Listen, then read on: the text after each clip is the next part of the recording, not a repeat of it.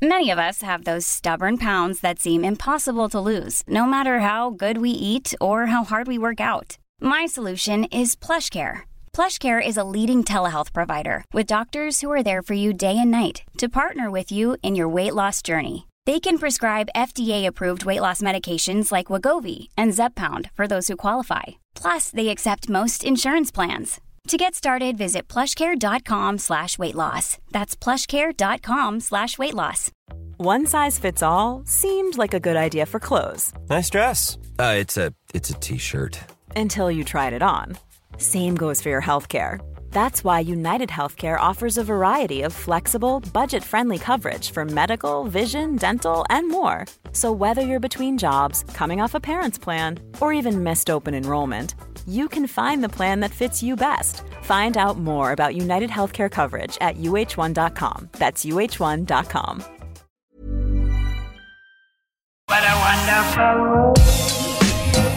Det er eh, en glede og en fest å være tilbake. Litt grann eh, sånn reklame er det foran. Har du fått noen tilbakemeldinger du Øystein, på det? Jeg har fått stort sett gode tilbakemeldinger. Folk sier at så bra at vi blir tatt hånd om av proffe folk, eh, for da kan det være at flere kan høre på det. Så er det noen som vært litt sånn der, ja, reklame, jeg hører dere driver med det. Vi får se hvor dette bærer. Og det er litt det vi gjør òg. Vi får se hvor dette bærer. Ja, nei, jeg har ikke fått uh, noe tilbakemelding. Altså, Eneste tilbakemelding jeg har fått på podkasten siste, Hans Olav, er at jeg var i Bergen uh, rett ved helga, og der sto Jeg skulle sjekke inn, prata med deg på telefonen. Der sto det en fyr foran meg i, i øhm, køen, ikke sant? Og så tenkte jeg sikkert at jeg prata for høyt som vanlig, så han snudde seg rundt. Og så viste han meg bare telefonen av hvilken podkast han hørte på, så kan han tommel opp. Og det var da bilde av deg og meg, da, ikke sant? så han hørte på Gode dager. Det er det eneste jeg har fått. Og det reklamegreiene har jeg ikke fått med meg så mye til. Det vi skal ha et møte med de på Teams, det er vel omtrent det.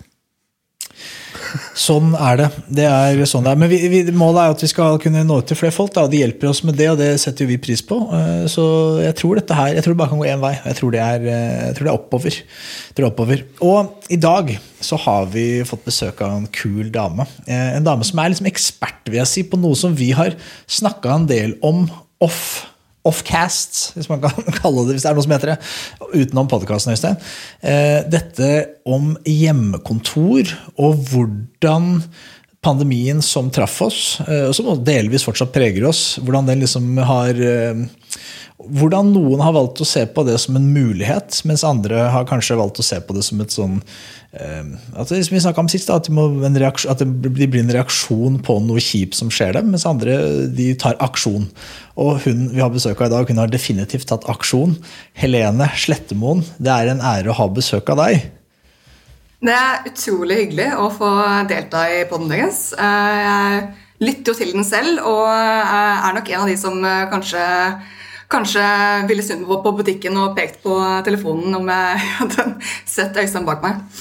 Ja, Så hyggelig. Det, det setter vi veldig pris på. Det er ikke, det er ikke så det er en sånn følelse at vi, at vi er Jeg vet ikke hva man skal kalle det. At vi er, er vi litt fete da? Jeg, jeg føler meg litt fet. Jeg er jo ikke vant til det, så jeg setter jeg veldig pris på at du sier. Og når folk, på, folk som står på flyplassen Jeg håper de gjør det når de ser meg òg. Det er ingen som gjør det når de ser meg, selvfølgelig. Fordi det er, Så det, Dette er jo egentlig mitt game, for det er jo så smisk. Det er det som brakte meg gjennom skole. Egentlig vil si i livet. Dette her er altså kjempebra taktikk for å sette deg selv Yes. i eh, skinnende lys, Helene. Du er hjertelig velkommen, det skal du vite. Hjertelig velkommen til podden. Du kan komme Takk. når som helst. kan vi ikke starte der, Helene? Liksom for eh, de som ikke kjenner til deg. Hvem er Helene Slettemoen? Eh, jo, hvem er jeg? Eh, jeg bor i, eh, i Oslo, i, eh, i en eh, liten leilighet på Lambertseter. Og eh, jobber til daglig med, med reklame i et uh, bitte lite selskap som heter eh, Diar. Som eies av Allra Media. Og eh, eh, er også aktiv på fritiden med, med trening. Så eh, langrenn og løping og eh, litt kajakk blir det også. Diverse. Men, men det som, jeg, som er kult med deg, da, det det er jo dette med dette, måten du har angrepet konseptet hjemmekontor. Kan jeg snak- kan litt om det? Hva, hva, ok, vi La oss spole tiden litt tilbake. Eh, Vi er, i- Jeg husker ikke eksakte datoen i mars. 12. mars, er det det? 2020? 12. mars, helt riktig. Koronapandemien eh, er i Norge er et faktum, og alle får beskjed om at nå er det bare å låse seg inne inntil further notice. Eh, Og hva gjør du da? Nei, altså, Jeg husker jo veldig godt den dagen da vi liksom, alle ble samla. På det tidspunktet så ble, jobbet jeg i Skipsted. Eh, Så husker vi i eh, VG-huset i Akersgata så ble min avdeling eh, samlet. Og vi fikk da beskjed om at ja, gå hjem og bli der. Rett og slett. Og, og jeg husker jeg tenkte at nei, det, det, det går ikke. Jeg ikke, jeg kan ikke jobbe hjemme. Sånn, så, sånn er jeg. jeg. Jeg trenger folk. Jeg trenger å se folk rundt meg. Jeg, jeg har en altfor liten leilighet til at jeg kan sitte der. Eh, jeg bor i en ettromsleilighet. Jeg kan ikke sitte der hver dag. Det, så det, det går ikke. Eh, så jeg husker at jeg bare tenkte at eh, jeg, må bare finne, jeg må bare finne en løsning ut av det her. Men det var jo ingen som slapp unna det. Alle måtte jo pent sitte på, sitte på dette hjemmekontoret. Um, og, og da Altså Etter en stund da, på det hjemmekontoret så begynte jeg å gå ganske, ganske på veggen. Eh, Det startet jo først med at jeg, at jeg prøvde å se mulighetene. Prøvde å eh, Jeg kjøpte meg spinningsykkel eh, som jeg satte i boden. Og tenkte liksom at ok, dette, dette skal ikke få knekke meg. Jeg skal, jeg skal finne en løsning ut av det her, og så egentlig på alt som en, som en utfordring. Eh, men, eh, men så ble egentlig bare den eh, leiligheten ble bare mindre og mindre. Og da tenkte jeg til slutt at ok, hva kan jeg gjøre med det? Hva, er- hva er mitt mulighetsrom her? Ja. Og da skjønte jeg at, eh, at jeg, må, jeg kan jo ikke være på kontoret, åpenbart. Eh, Men jeg må jo ikke være i Oslo. Det er jo ingen som har sagt at jeg må sitte på hjemmekontor i Oslo. Så, så da bestemte jeg meg for, uh, for at jeg ville jobbe et annet sted. Og akkurat i det øyeblikket så tok en venninne av meg eh, kontakt og sa Du, jeg skal flytte til Lofoten. Vil du uh, Vil, vil du være det litt? Ja. Og så hadde jeg bare Jeg hadde egentlig kun ett spørsmål, og det var Ok, det, det er huset da, som du har leid i, i Lofoten. Har det, har det wifi? Og hun sa ja, det har det.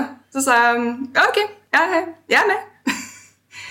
og eh, en måned seinere så satt vi da i, Lofoten.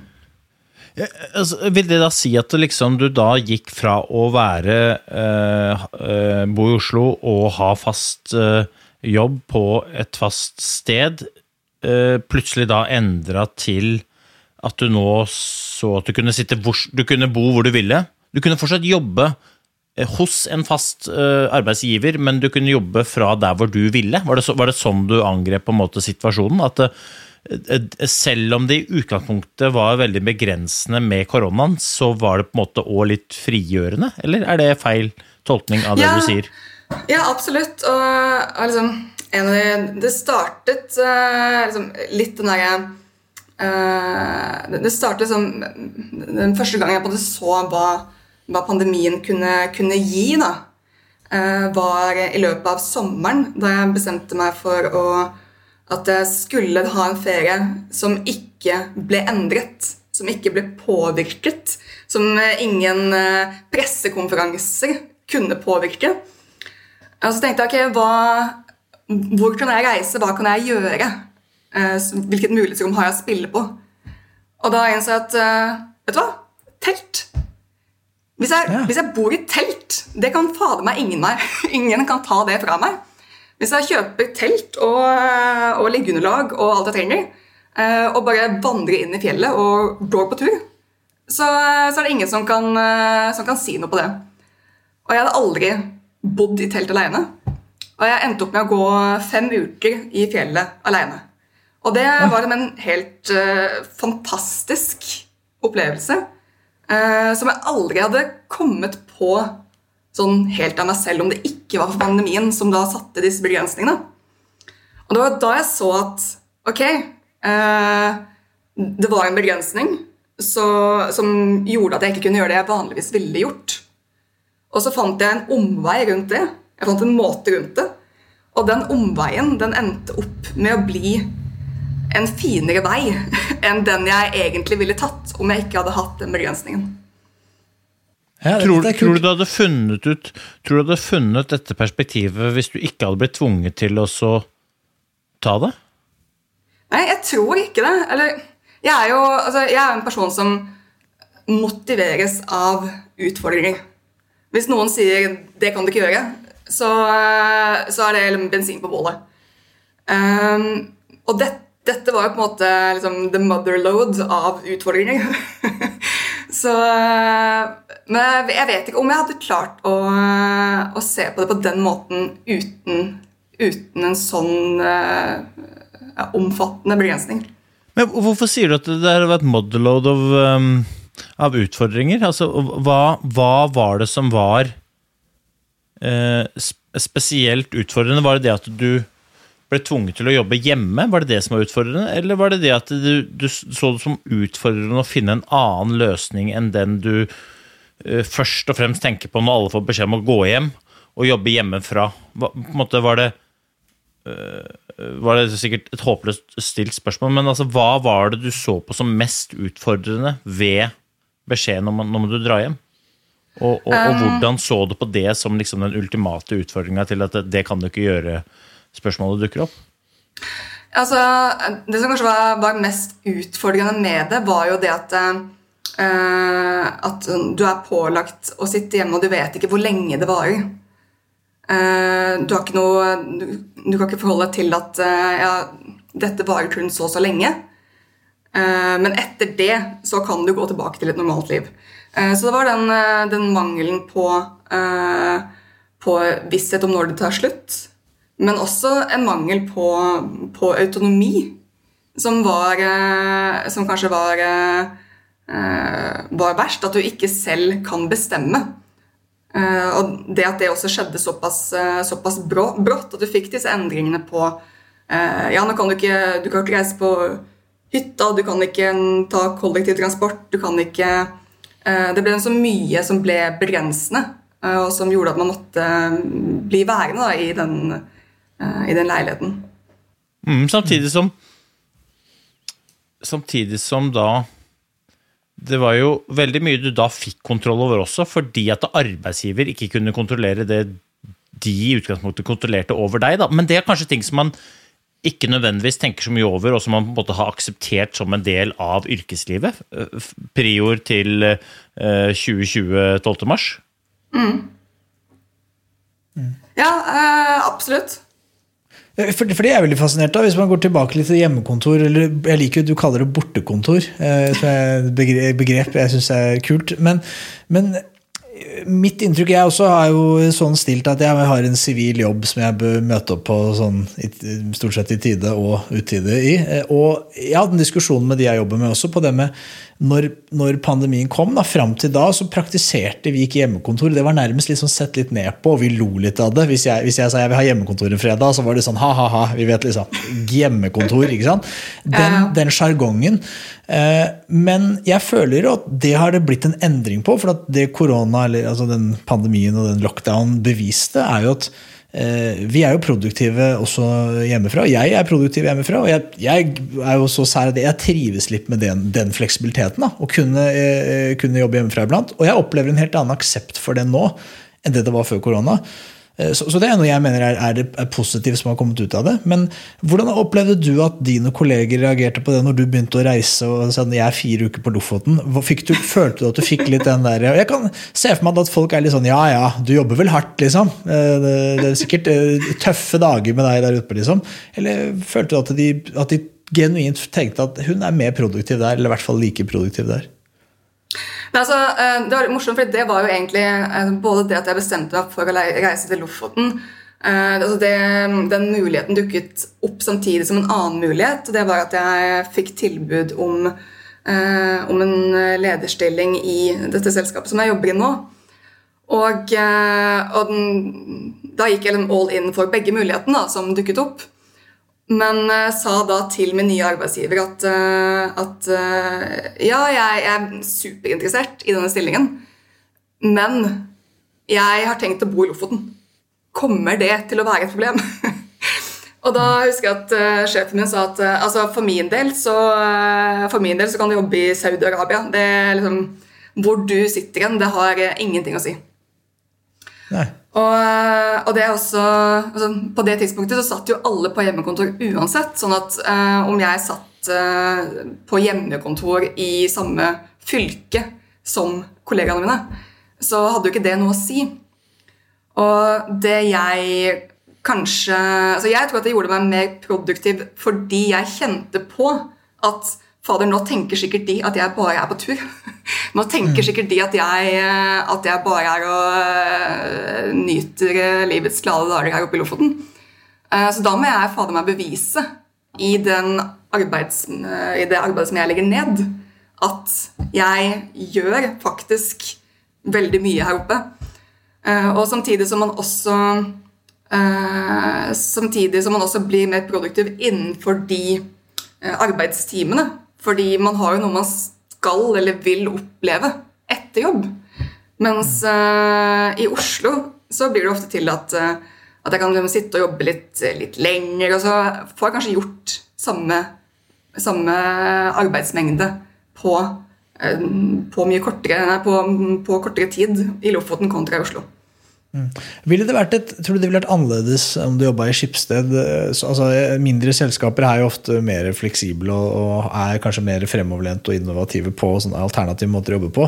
Eh, men jeg kan se for meg Nå jo, tror jeg Skipsted for øvrig er en ganske sånn i fall De ønsker i hvert fall å fremstå som en ganske sånn fremoverlent og ungdommelig og innovativ organisasjon, men, men de er jo en gang et svært gammelt mediehus. da Mm. Jeg tror det ville vært annerledes der. At det liksom ville vært eh, ikke sånn som nå. Da, nå som for Mitt inntrykk er at dette er noe du har fortsatt med. Altså, nå er jo Lockdown eksisterer jo ikke lenger, og de veldig mange eh, arbeidsgivere ønsker jo at de ansatte skal tilbake på jobb. Jeg tror og mm. jeg opplever at det har blitt en, et skifte der det er mer aksept. Da. Man blir ikke latterliggjort dersom man tar seg en langhelg på hytta lenger. Men det er fortsatt tror jeg, et element at nå, nå skal man tilbake på kontoret, og en forventning om det.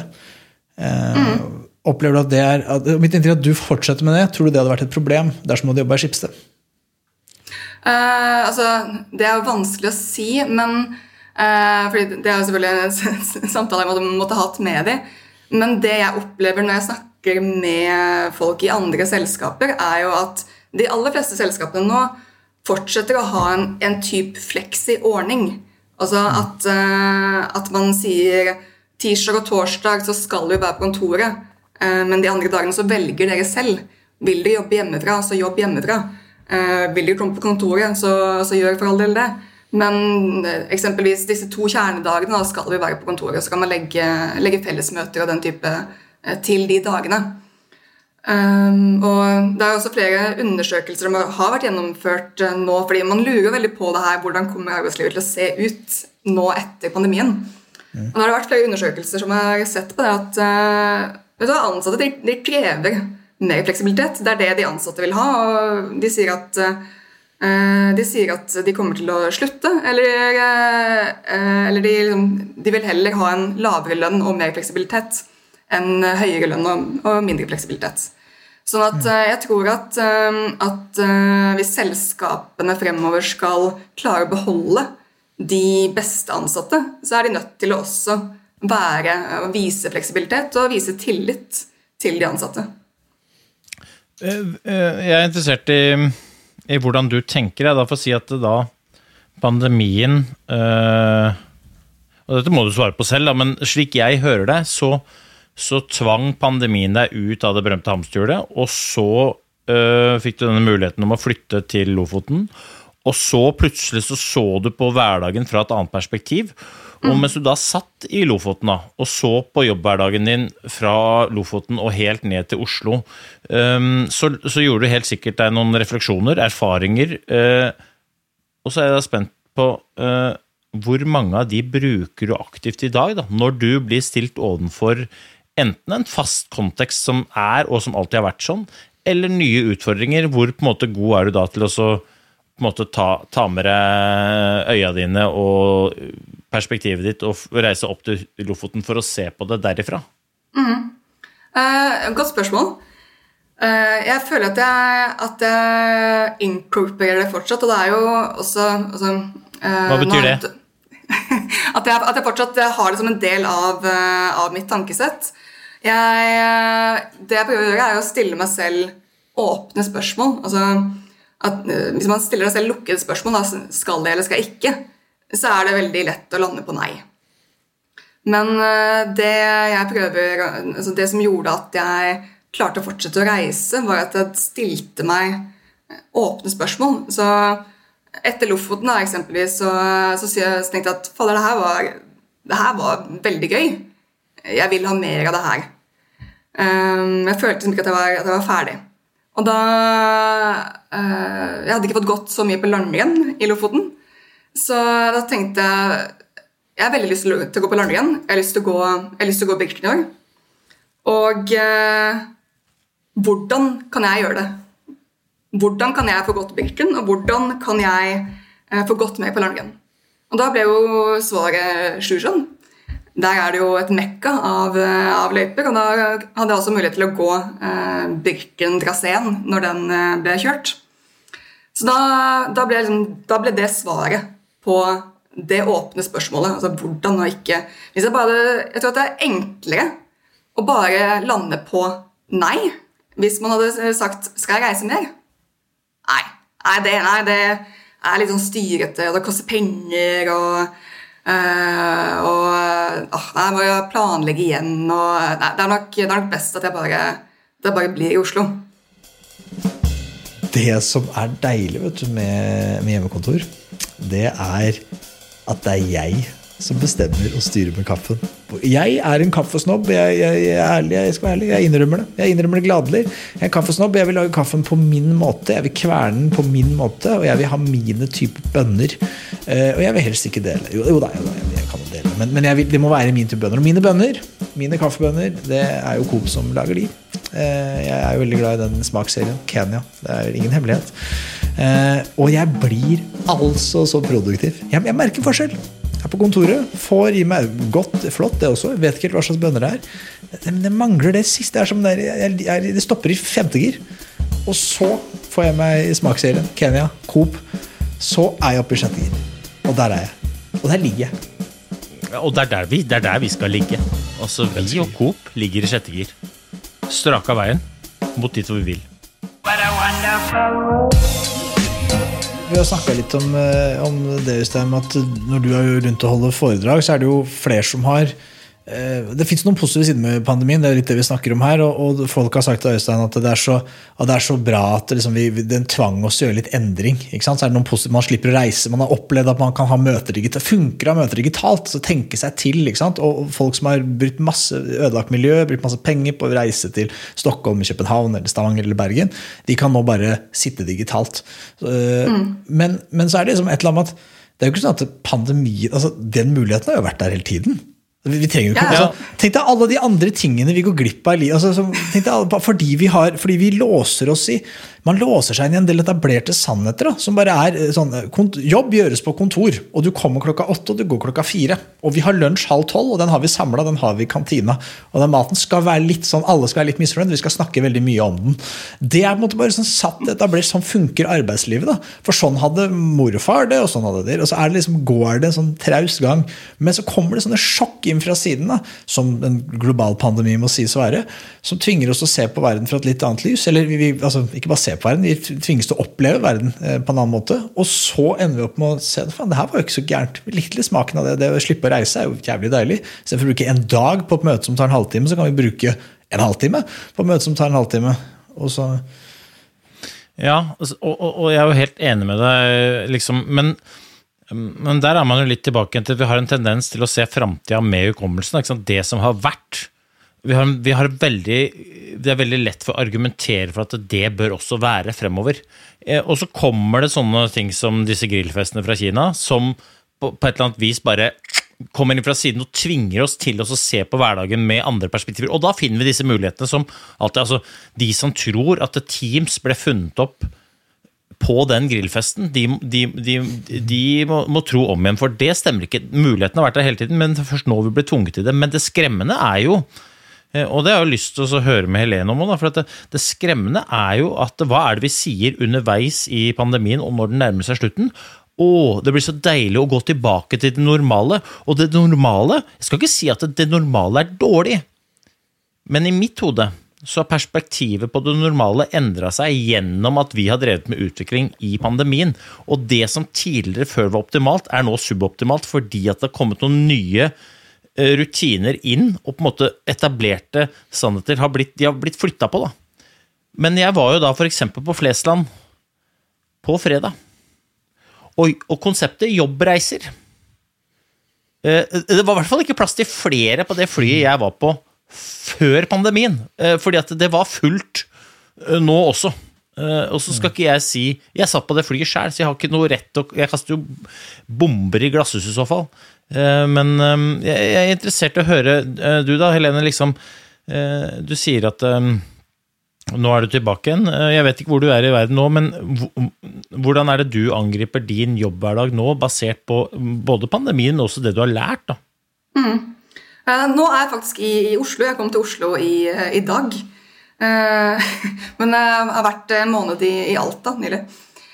Eh, Men eh, måten jeg, jeg ser på det, er at eh, sånn som vi jobber i, i vårt eh, selskap også, er jo at eh, vi tar det som var bra med å jobbe hjemmefra, og så eh, legger vi det til måten vi jobbet før. Altså, ja, vi har de faste møtene hvor vi møtes på kontoret, men det er også eh, mulig for, for folk å jobbe hjemmefra. Da legger man da til Eller da legger man da de arbeidsoppgavene som man trenger, f.eks. ro, arbeidsro, for å kunne gjøre, det legger man til de dagene som man eh, jobber hjemmefra. Eh, eller man kan, eh, for de, som, for de som har barn, så kan de også jobbe hjemmefra når de ja, når det er planleggingsdag, eller når barna er sjuke, eller hva, det skal være. da, Uten at man får det som, som, som han som nevnte med, med det blikket med 'Å ja, ok, du skal jobbe, jobbe hjemmefra'. ja, ok. Jeg tror at det eh, Nå så har vi gjennom et eh, langt eksperiment da, så har vi vist alle sammen at vi, at vi kan være effektive, vi kan være produktive på hjemmekontor. Sånn at eh, når folk da trenger den roen, eller eh, trenger eh, å ikke bruke en time på å pendle til jobb, og, eh, eller den trenger tid med barna, så får de tillit, og de får rom fra arbeidsgiver til å gjøre det. Ja, og hvis det er sånn, så er det veldig bra, men det forutsetter jo én ekstremt viktig ting, da, og det er at det er tatt en forventningsavklaring på forhånd rundt disse tingene. For det er veldig mange der ute som går rundt og sier at vi skal tilbake til det normale. Og det normale, Helene, er ikke at du kan reise rundt og fyke rundt. og da, da Det dømmer er sett hverandre på da. feil- Det har jeg merka meg. Jeg merket feil her. Så, Ja, Sjusjøen ligger jo ikke nødvendigvis helt på grensa til. Nord-Norge, men det, det, er, det er nord for, det er nord for Sessekrysset, og det er jo noen som bor innenfor Ring 3 som tenker alt nord for det, det er Nord-Norge. Eh, Så eh, Nei, men liksom, den der forventningsavklaringa der, da, for hvis vi ikke har den i bånn, så dømmer vi hverandre, eller eh, og ser vi hverandres handlinger basert på egne på en måte forståelse av situasjonen. Og, og det kan nok være lettere å få til et lite konsern enn i et stort et, men jeg tror uavhengig om det er lite eller stort, så tror jeg det er ekstremt viktig for å få den løsninga der til å fungere. Og så er jeg veldig opptatt av hvordan dere da internt kommuniserer eh, kommuniserer de ulike behovene, slik at jeg Ville jeg da, hvis jeg hadde vært ansatt i ditt selskap, Helene, visst når du var hjemme og når du var borte, og hvordan du på en måte la opp dagene, eller er det noe jeg bare må forholde meg til, basert på om det er noe på stolen din eller ikke? Forventningsavklaring er jo essensielt. eh, Og eh, det er jo ikke sånn at jeg kan si til sjefen min eh, på, på mandag at eh, hei, du, på torsdag så stikker jeg til Alta og blir borte i, i en måned. Det er jo noe som må, som må avklares i, i god tid.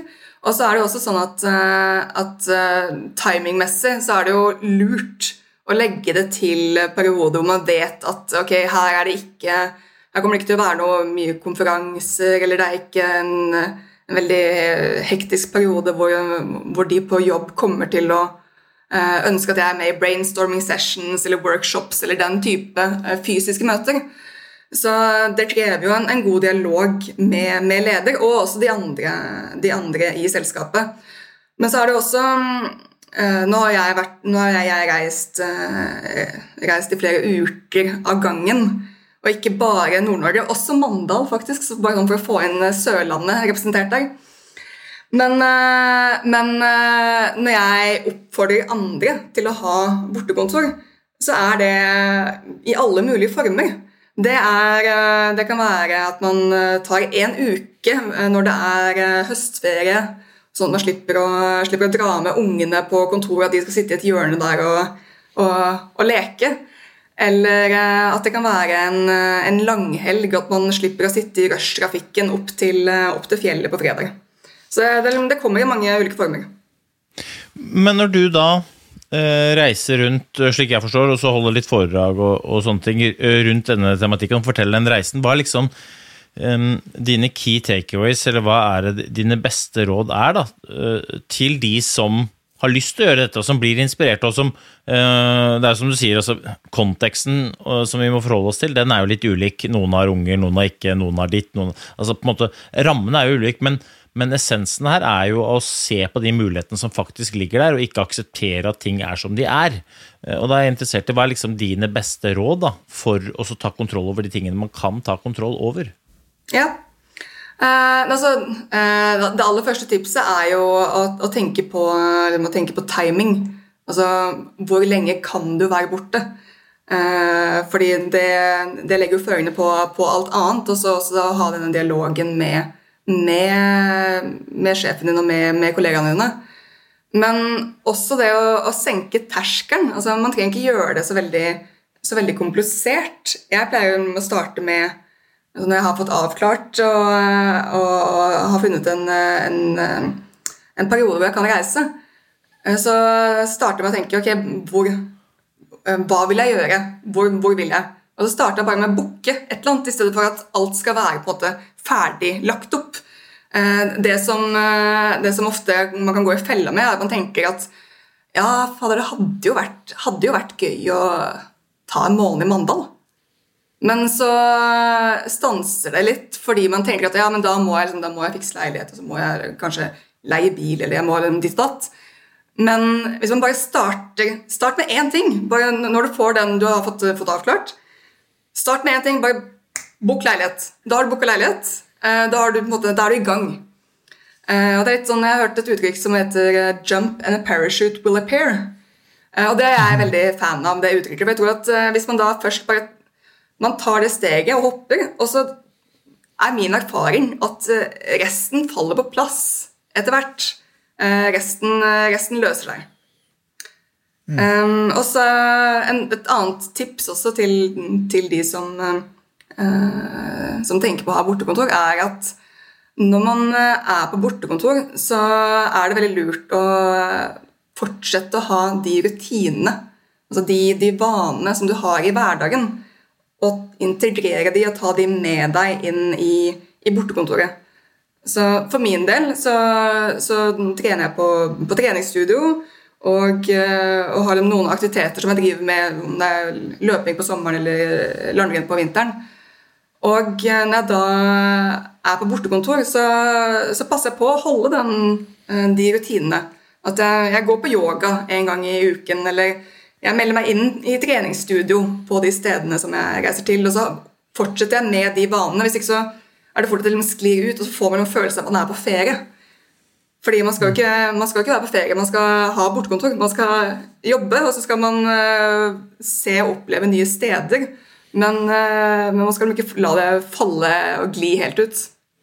Ja, Det er jo ganske smart sånn sparetips. for Mange har jo sånn fire ukers prøveperiode på disse sentrene. sånn, Bli med litt for de første fire ukene. Og, og, så du bare reiser rundt. det er veldig, Når jeg hører det, tenker jeg at det der er ganske, det der er ikke, det er ikke dumt. Men eh, det jeg lurer på, er liksom, hva er det du Eh, hva er det du sitter igjen med av følelser, liksom? Eller hva, hva, hva, gir det deg av å kunne gjøre det? Altså, hva, hva er det på en måte key takeaways på hvordan du føler deg da, etter å, å, ha tatt dette retningsskiftet og begynt å styre hverdagene mer? Hva, gir det deg? Nei, det, Noe av det viktigste er jo det å klare å komme ut av det, det hamsterhjulet, som, som, du nevnte. Og eh, jeg merket jo før før pandemien at uh, at det føltes ut som altså, altså, Livet bare skjer. ikke sant? Du har ikke, kontroll, du har ikke helt kontroll. Du er litt sånn der, du, du, henger, du, henger, bare så vidt med. Og så uh, Det er jobb, og så er du ferdig med jobb, og da har du på en måte noen faste ting som du alltid gjør. Og så er det en ny dag, og så gjør du de samme tingene. Og så er det vanskelig å, å komme ut av det, utfordre seg selv og pushe seg selv til å gjøre noe nytt, gjøre noe annerledes. Men min erfaring er at uh, når man er på bortekontor, så er man jo tross alt et annet sted. Så da vil man jo, etter jobb, så vil man jo uh, se nye steder. Man vil uh, gå turer til områder som man ikke har vært i, eller man vil oppleve mer. Og da blir man pusha ut av det hamsterhjulet som man ellers bare ville gått rundt og rundt i. Og man blir jo mer kreativ av det. Altså, det er jo mye forskning som viser at ved å få nye opplevelser, få nye impulser, se nye ting, så blir du mer kreativ, fordi du klarer å sette, sette sammen du, du, får koblinger som du ellers ikke ville, eh, ikke ville, hatt, og du ser ting i et nytt eh, perspektiv. Så det er det, det jeg kjenner mest på. Og, og negativt, da. Jeg tenker sånn, Det høres jo veldig forlokkende ut, men så tenker jeg sånn Eh, noe av det folk syns var kjipest med, med, lockdown, i tillegg til at det satt litt for nærme kjøleskapet, var jo uh, dette med, med, mangelen på, på måte, sånn sosiale ja, det, det, Om det er venner, eller om det er eh, miljø på jobb, eller om det er det ene De der faste møtepunktene. Uh, når du da reiser rundt og prøver ulike treningsstudioer og jobber Eh, fra der hvor du er. Da. Hvordan, har det sosiale vært? Har det vært, har det vært noe av det negative, eller blir man da òg ekstra opptatt av å være eh, på en måte imøtekommende mot fremmede og, lære seg flere å kjenne? Ja, det er jo, det er jo sistnevnte, eh, for, for, min del i hvert fall. Men det, det selvfølgelig vil jo avhenge veldig av hva slags personlighetstype man er. Men, eh, men det er også en, et, et, tips er jo å, å, å, bli kjent med lokale. Bli kjent med Eh, ja, med de som, er, som, bor rundt der hvor du eh, oppholder deg. Så for eksempel eh, i, i Mandal så meldte jeg meg inn i Mandal kajakklubb. Ja. Og så var jeg med de på padlinger for, for å få noen tips da, til, til, bra steder å padle. og Da var det en, som, en der som lærte meg eskimorulle, og det var god, god stemning. Så det er Hett tips er at Facebook-grupper de, de, er ganske gode i sånne lokale eh, lokalsamfunn for å få litt eh, innblikk i hva som skjer, og, og, og komme i kontakt med folk. Ja. Hva var, uh, hva var det, liksom det største hinderet for oss å begynne å gjøre dette? Altså, hva, hva på en måte Eh, hva sa den indre kritikeren din, eller styggen på ryggen, eller hva, var, liksom, hva var, lå i dørstokkmila for å si nei, fadderen, dette gjør jeg? Um, godt spørsmål. Det var kanskje det, det største hinderet var kanskje altså det med, med, økonomi. At jeg tenkte at nei, jeg har jo en plan om at jeg skal, jeg skal spare til det og det. Uh, og hvis jeg skal reise, hvis jeg skal ta denne reisen til uh, Først var det Lofoten, da, så, uh, så, så, får jeg ikke spart så mye som jeg hadde tenkt å gjøre.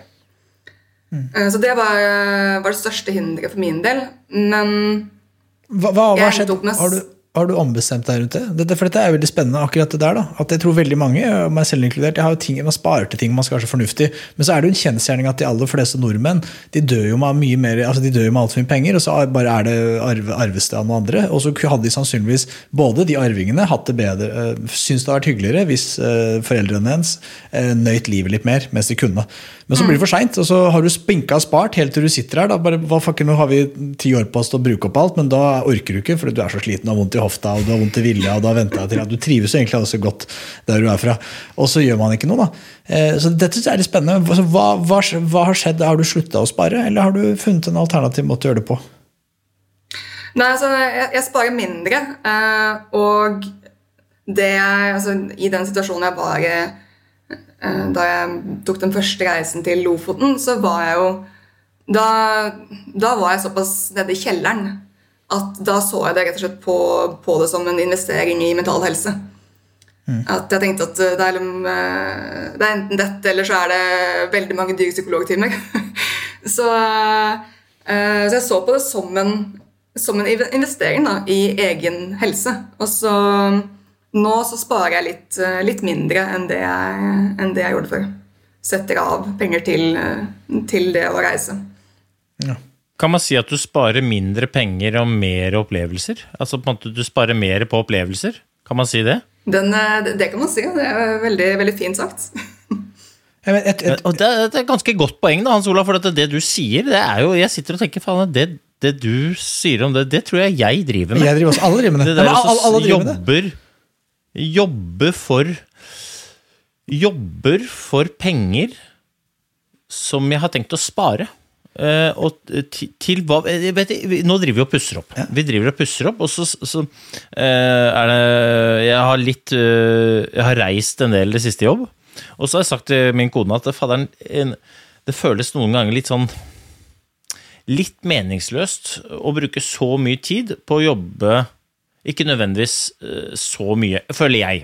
Jeg syns det er veldig gøy, jobben jeg gjør, synes jeg er veldig gøy. Misforstå meg rett. Og så sa jeg til kona mi her, men nå når vi bruker de pengene jeg eh, tjener på å reise, på å pusse opp, så, så, så gir det mening allikevel.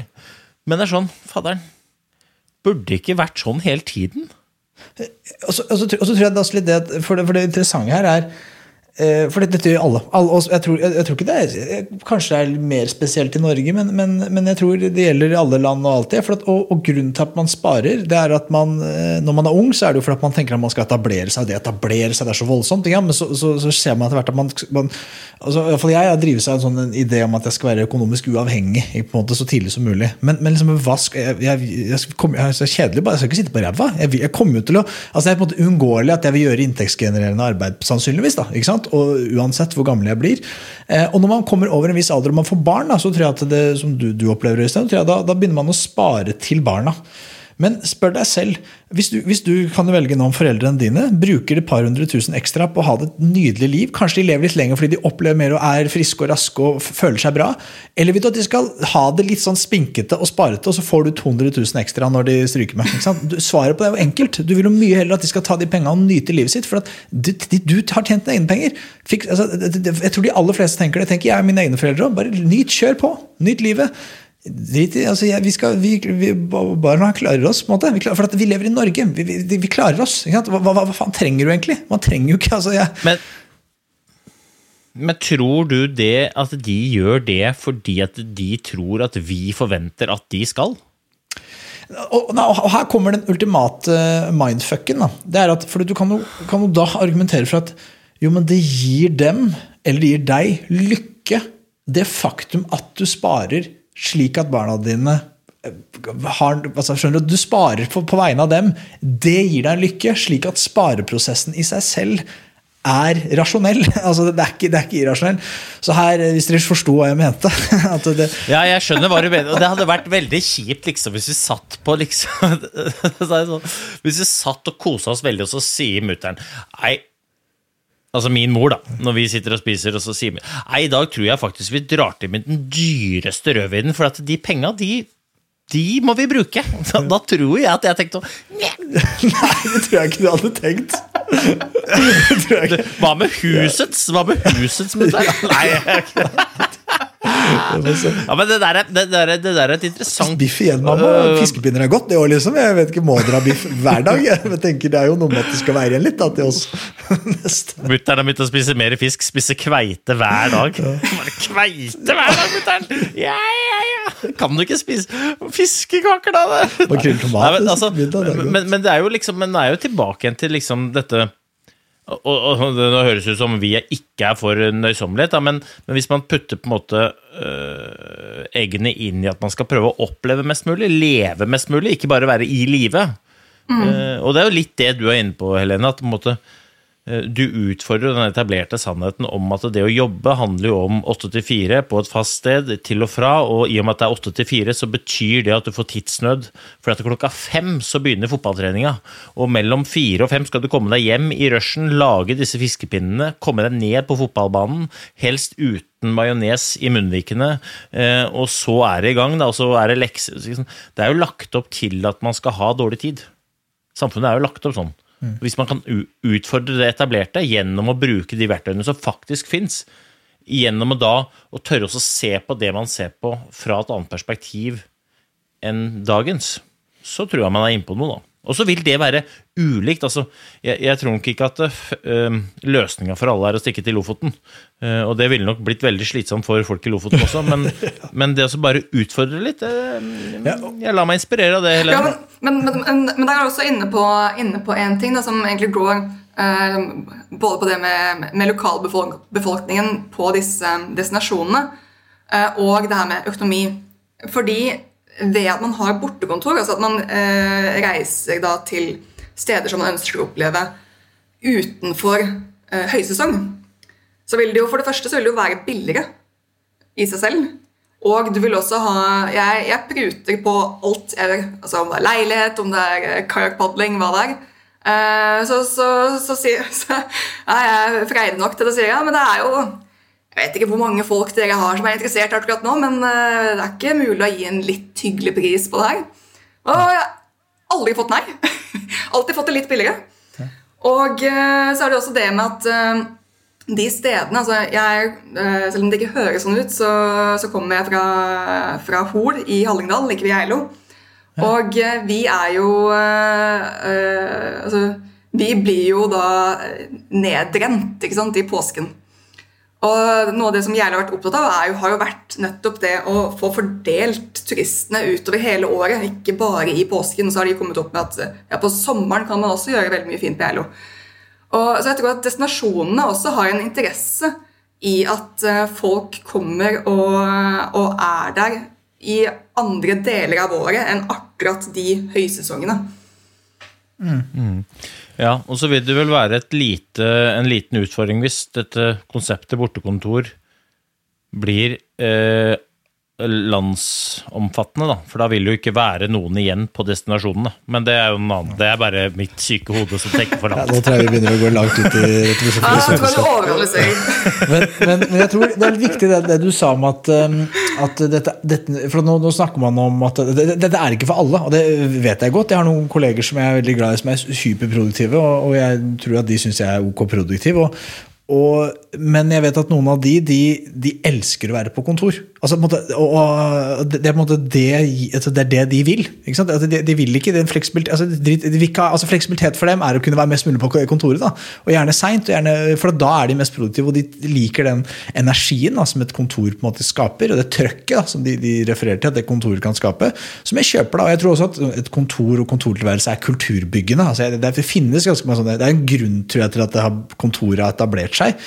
Men så tror jeg også at, liksom at det moderne næringslivet da, og den nye generasjonen vi, mere, vi er mindre opptatt av den, den kulturen som jeg tror henger igjen fra sånn fabrikk, liksom den uh, gamle fabrikkulturen, hvor det er noen ledere som står og overvåker og teller timer. Hvor mange timer har du jobba?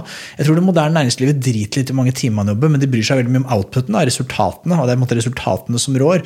Man, så Noen skaper, kan skape resultater på færre timer enn andre, uh, og andre må jobbe mer. Noen kan skape øh, store resultater hjemmefra, andre må være på kontor.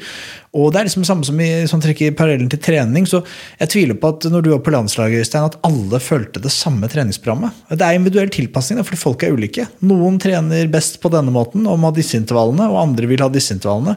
Og, og da får man det beste ut av laget. Da. Og jeg tror eh, kanskje det er, det er det som pandemien kanskje har, eh, har lært oss. Eh, hvis det var en slags, eh, en slags oppsummering. Og så har jeg et spørsmål som jeg bare på, på, helt på slutten her, som ikke dreier seg om når vi snakka om hjemmekontor. Men du sa en bisetning i stad at du har reist på en ferie helt alene i et telt i fem uker. Og dette er fascinerende.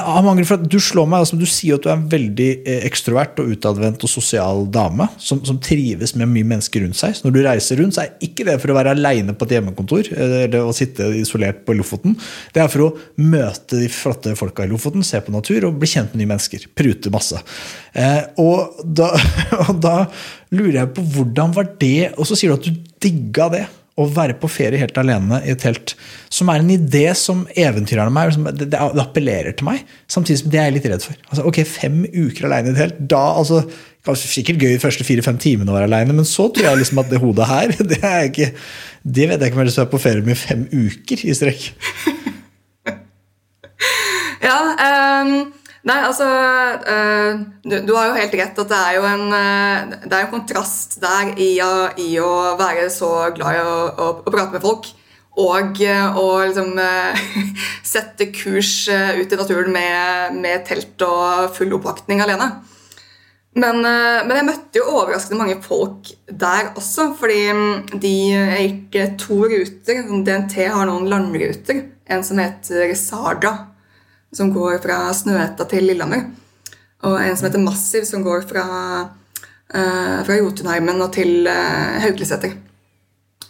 Og uh, så gikk de, de, to rutene.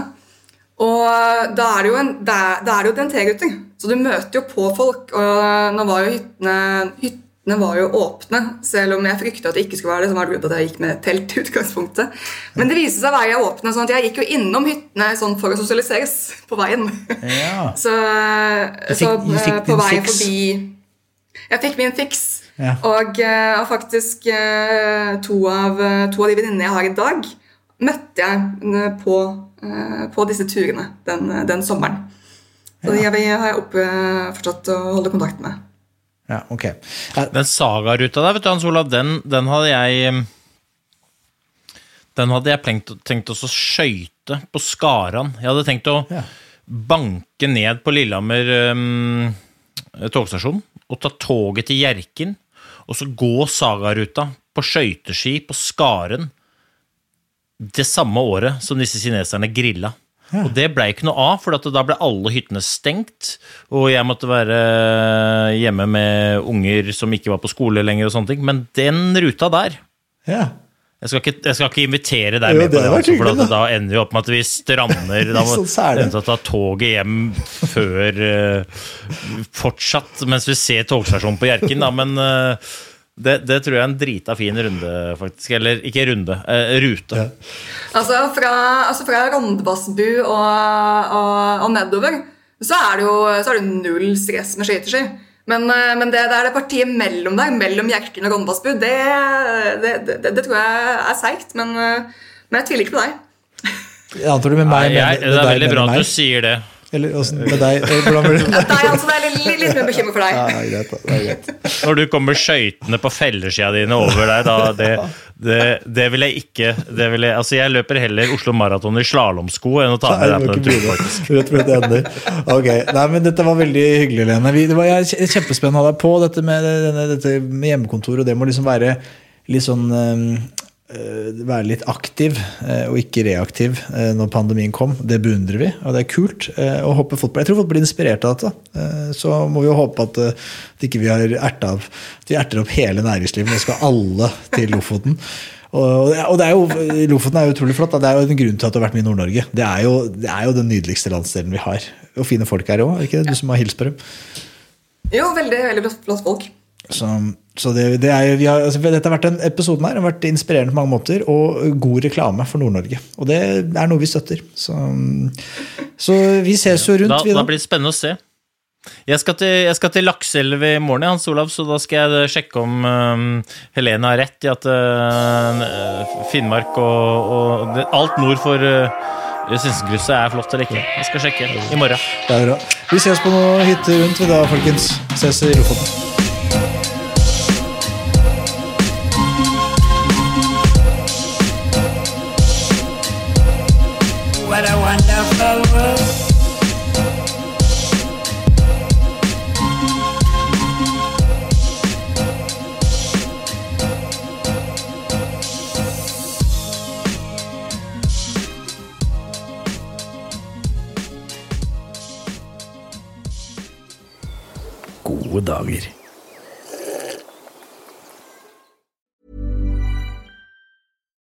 It's Paige DeSorbo from Giggly Squad. High quality fashion without the price tag. Say hello to Quince. I'm snagging high-end essentials like cozy cashmere sweaters, sleek leather jackets, fine jewelry, and so much more. With Quince being 50 to 80% less than similar brands. And they partner with factories that prioritize safe, ethical, and responsible manufacturing. I love that. Luxury quality within reach. Go to quince.com slash style to get free shipping and 365 day returns on your next order. Quince.com slash style. Imagine the softest sheets you've ever felt. Now imagine them getting even softer over time. That's what you'll feel with Bowl and Branch's organic cotton sheets. In a recent customer survey, 96% replied that Bowl and Branch sheets get softer with every wash. Start getting your best night's sleep in these sheets that get softer and softer for years to come. Try their sheets with a 30-night guarantee. Plus, get 15% off your first order at bowlandbranch.com. Code BUTTERY. Exclusions apply. See site for details.